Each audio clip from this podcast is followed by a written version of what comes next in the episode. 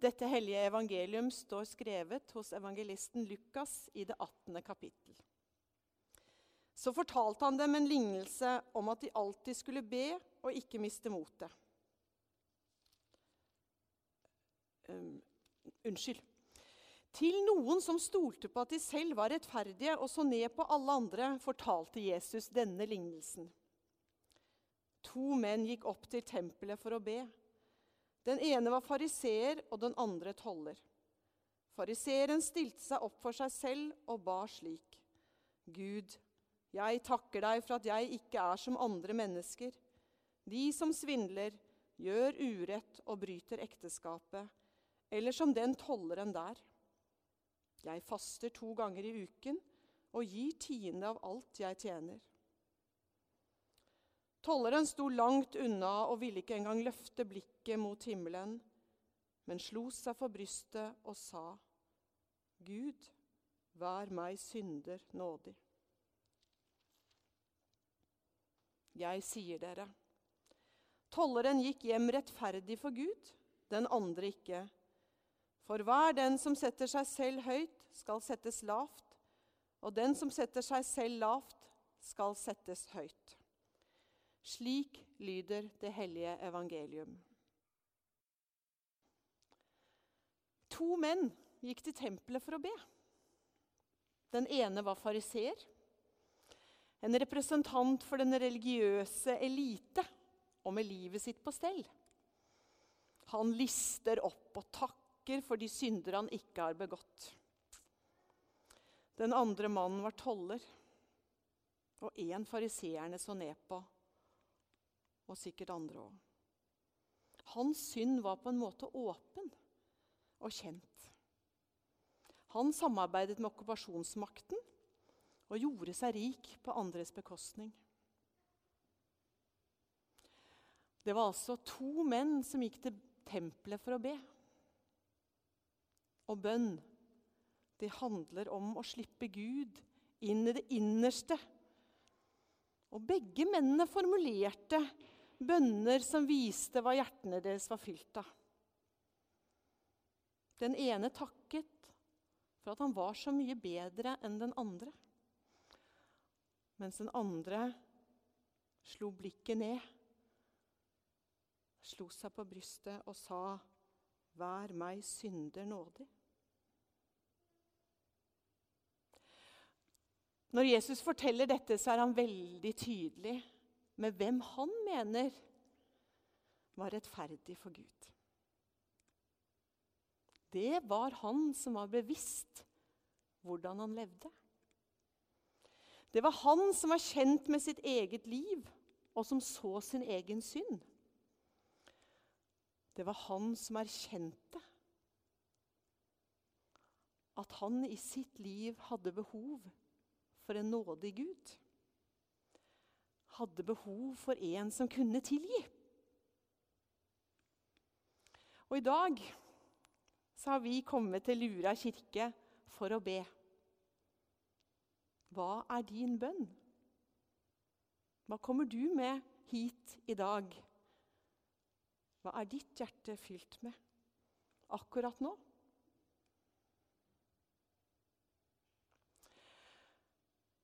Jesus, han elsket de utstøtte. Han elsket synderne. Han elsket de fattige, de marginaliserte. Han løftet opp kvinner og barn på en måte som ingen var i nærheten av på hans samtid. Det manglet sidestykke, faktisk. Og i møte med Han så skal det oss være mulig å være åpen med det livet vi har. Med det vi bærer på, og det vi kommer med. Og der tror jeg òg det ligger noe av grunnlaget for at der hvor folk sliter, der er det mye tro å finne. Og det tror jeg handler om ikke bare her i vår nærhet, som jeg kjenner litt til, men det handler om i det store, i den store verdensvide kirke. så søker folk til noen som kan tilgi. For de trenger en som er nådig. Jeg jobber i rusmiljø. Det har jeg gjort i over tolv år. Og det er jeg glad for. Og i det miljøet som jeg da etter hvert er blitt litt kjent med, for å si det sånn, så ser jeg at det er mange som tenker at de har ikke mye å rose seg av. Det er ikke mange som kan på en måte stille seg opp og si 'Å, takk for at jeg ikke er som han'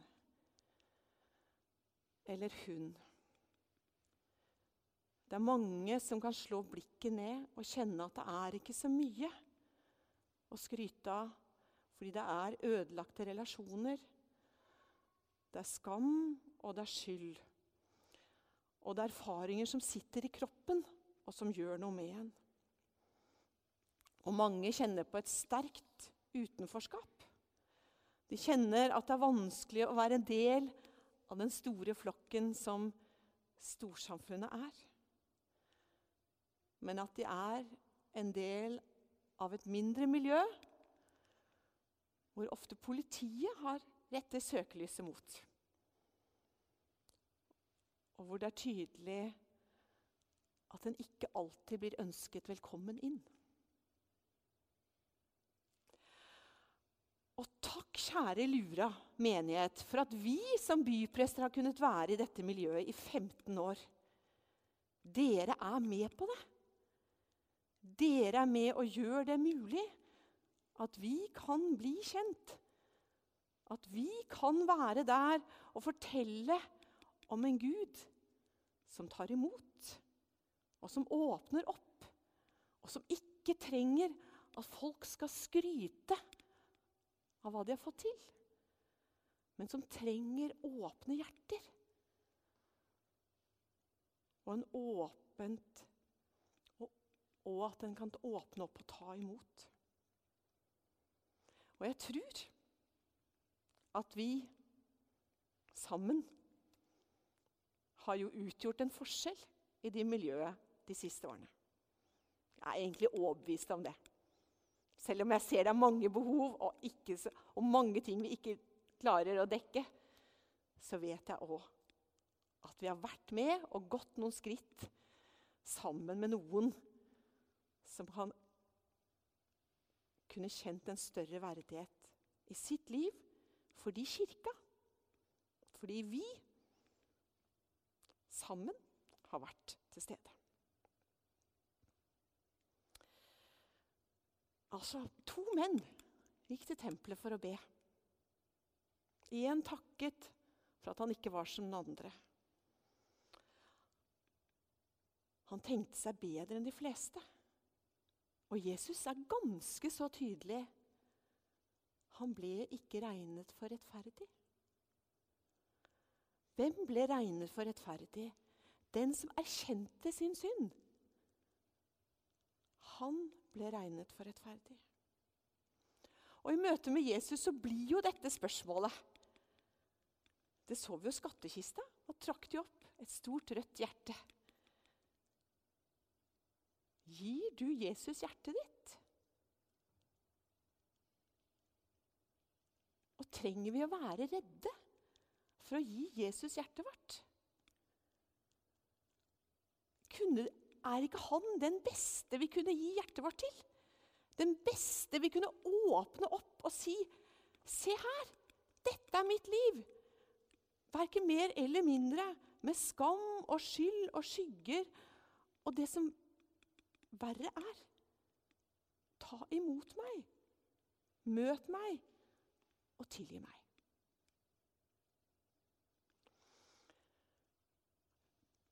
Det er jo en balansegang her. Fordi det er fint å gjøre gode gjerninger. Det betyr ikke at vi ikke skal gjøre gode gjerninger. Det er nødvendig fordi hvis vi har en tro, så kaller den oss på en måte til å gjøre noe godt for andre. Men det er ikke det som gjør oss rettferdig. Det som gjør oss rettferdig, er å gå til Jesus og si 'Her er jeg'. Vær meg synder nådig. Det skulle være nok. Det holder. Og i dag er det mulig å gjøre det her. Og vi som er her, har sikkert gjort det om mange ganger. Men samtidig er det godt å gjøre det igjen og igjen. For vi hører til dette fellesskapet som kan knele ned, og som kan ta imot syndenes nådige forlatelse. Som kan kjenne at tilgivelsen blir gitt oss i et lite brød og et liten munnfull av vin. Og når den fyller oss, så hører vi til. Så er vi en del av fellesskapet. Vi er en del av fellesskapet rundt bordet. Vi er en del av fellesskapet sammen med Jesus. Vi som har ei tru, vi er utrolig heldige. Og det tenkte jeg på her om dagen. at Det bare sånn, det å kunne få lov å ha ei tru Og den kan jo alltid være i bevegelse og føles større eller mindre. Eller være liksom innafor og utafor et eller annet. på en måte. Men å rette blikket sitt mot Jesus, mot den Gud som har skapt oss, det gjør jo at vi har en tilhørighet. At vi hører til et sted. Og vi som er her, da. Jeg hører jo litt til i lura, jeg òg, fordi jeg er jo utsending for dere gjennom jobben min. Men vi hører jo til et sted. Vi er et fellesskap.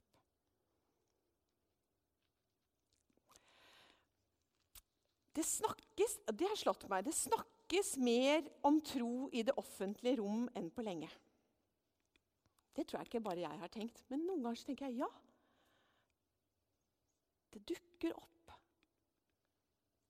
folk som har en tilhørighet, folk som tror på noe, og som kan bekjenne seg til Gud eller noe som er større.